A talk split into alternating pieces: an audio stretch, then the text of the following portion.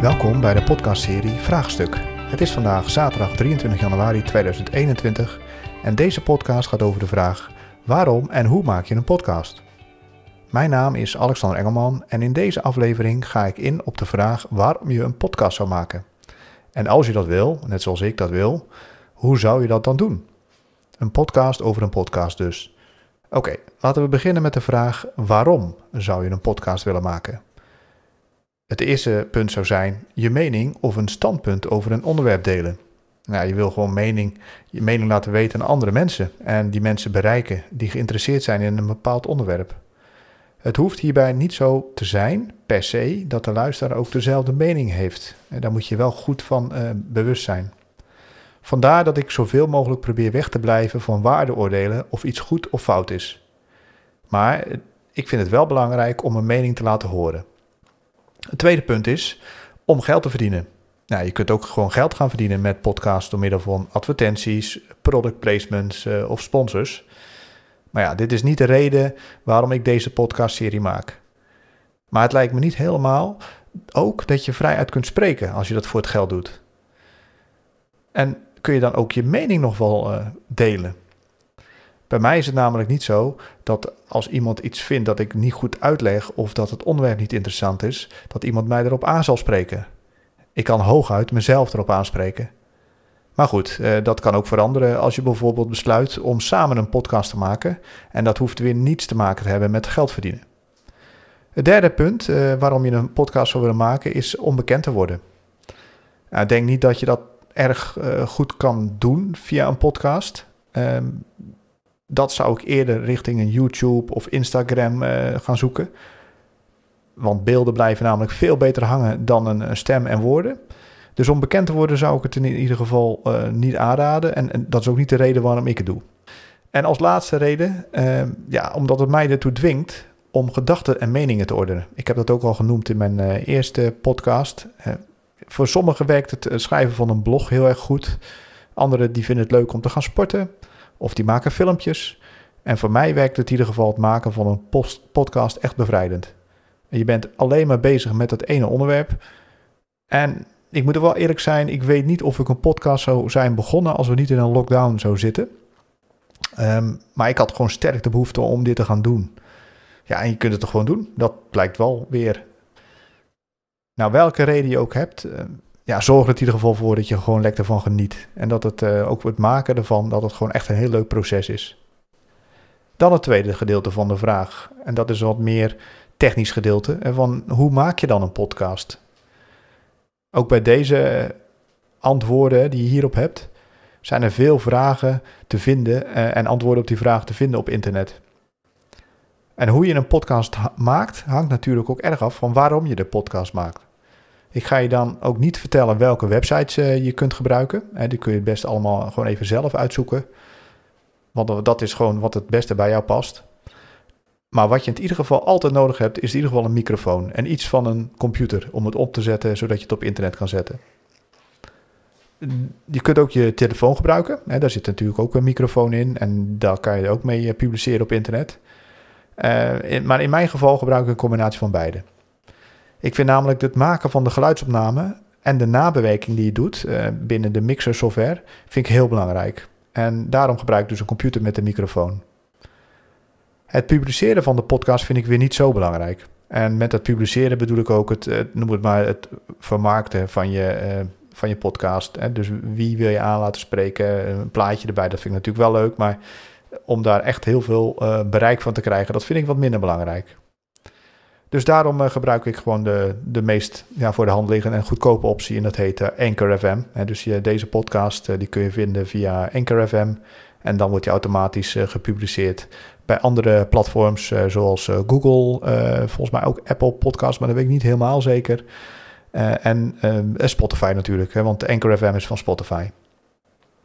Het verdienmodel overigens bij Anchor FM zit hem puur in het, in het creëren van content. Uh, verder maakt het uh, Anchor FM absoluut niet uit uh, wat daar voor content op staat. En dus we zullen daar niet echt een mening over hebben. En als je heel veel beluisterd wordt, en in mijn geval is dat natuurlijk niet zo. Maar ja, wie weet, dan, dan krijg je daar wel een vergoeding voor. Maar dat is nou ja, niet genoeg om, om de, de hypotheek en de energierekening van te betalen. Nou, het allerbelangrijkste voor mij bij het maken van een podcast is, en hoe je dat doet, is, is de microfoon. Nou, hier heb ik echt heel erg lang naar lopen zoeken. Echt dagen heb ik lopen kijken op internet. Uh, om, te, om, te, te luisteren vooral van wat, wat is het geluid wat voor mij belangrijk is. of wat voor mij goed hoort. Ja, dat bij een microfoon, dan moet je gewoon niet te veel geslis. En dat noemen ze ook wel sibilance en gepop, hè, de plosives, hè, dat hoor je nu eens eventjes. En dat moet je niet te veel horen. Nou, eh, uiteindelijk als je naar de microfoon op zoek gaat, eh, dan moet je eerst een keuze maken van wat voor soort microfoon wil je hebben. En je hebt eigenlijk twee uh, soorten. Dat is een, een zogenaamde USB-microfoon. Uh, de USB-microfoon die sluit je rechtstreeks aan op je computer, is heel makkelijk. maar je hebt ook een XLR-aansluiting op een microfoon. En dat is een microfoon die je met een, ja, met een verbinding weer aan een ander kastje verbindt. En dan vervolgens aan je computer aansluit.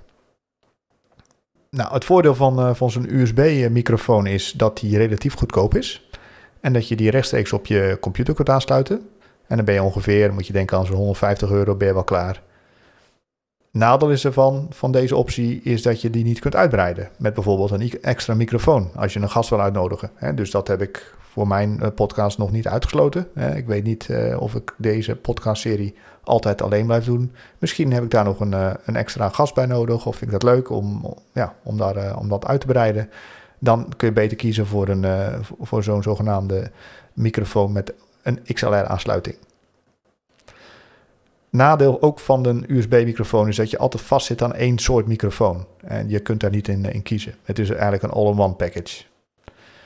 Uh, want als je voor een XLR-microfoon kiest, heb je veel meer keuzemogelijkheden. Uh, in eerste instantie heb ik na veel wikken en wegen, en daar heb ik ook nou, echt wel heel lang over gedaan, denk wel een, misschien wel een week, door allerlei reviews te lezen, heb ik gekozen voor een, een Reude NT1A-microfoon. Eigenlijk was ik eerder, had ik eerder de, de Beringen TM1 besteld. maar die heb ik toch terug laten sturen. Omdat ik hem, ja, bleek toch dat, dat hij niet helemaal bij me past qua stemkleur. Het was iets te schel. Oké, dus de, de Reude NTA1 heb ik dus uh, gekocht. Uh, kost je ongeveer 165 euro. Tenminste nu. Hè, dat heeft ook te maken met die lockdown. Alles is duurder geworden. Hè. Een jaar of twee, drie geleden was deze apparatuur echt wel wat, uh, wat goedkoper. Maar oké, de, de Reude NTA1 dus. Een, een zogenaamde groot condensatormicrofoon. Maakt allemaal niet uit. klinkt prima. Is eigenlijk bedoeld voor zang. Maar ja, dat was ook zeker geschikt voor, voor podcast. Dus daar, daar gebruikte ik hem dan ook voor. Nou, die microfoon kun je dus, zoals ik al gezegd heb, niet rechtstreeks aansluiten op je PC of laptop. Dan heb je weer een, een digitale audio interface voor nodig. Um, hier wilde ik een instapmodelletje voor aanschaffen, want daar zit het ja, verschil niet in voor, qua geluid. Dus heb ik na veel reviews ook weer het hebben gelezen, gekozen voor de Audient Evo 4. Het is een eh, instapmodel, digitale audio interface, kost je rond de 110 euro. Inmiddels hè, loopt de, de teller dan wel op. Hè. Je, je komt al op 275 euro. Dan moet je nog een microfoon standaard bij hebben. Zo'n studioarm, dat is wel handig. Want anders dan staat dat ding de hele tijd op je bureau. En dat staat enorm in de weg, kan ik je vertellen.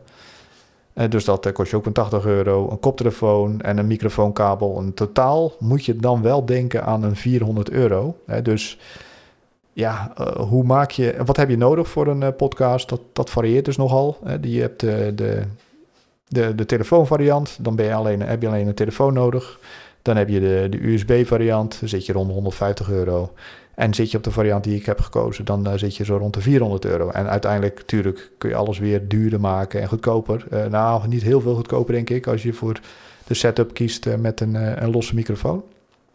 maar dan zit je zo rond de 400 euro dus uiteindelijk heb ik dat toen laten komen. Uh, eerste podcast opgenomen, ging eh, best wel aardig, vond ik. Alleen toen het onvoorstelbare gebeurde. Bij het opnemen van mijn tweede podcast kwam ik erachter dat die, die microfoon, die Reude NT1A dus, gewoon kapot was. Hup, niks meer, geen signaal meer, alles gecheckt, gewoon kapot, over en uit, microfoon dood. Kan gebeuren. Hè? Ik, uh, het was een nieuw apparaat, dus ja, dan kun je dat gewoon terugsturen natuurlijk. Um, maar ik heb toen wel lopen twijfelen, want ik denk van nee, dat, uh, dat ga ik dus niet meer zo doen. Ik heb toch gekozen voor een andere microfoon die meer geschikt was voor, uh, voor podcasts. En eigenlijk alleen maar voor podcasts. En dat is de, de Reude, wel weer de Reude, uh, de Reude Podmic. En daar, dat hoor je dus nu.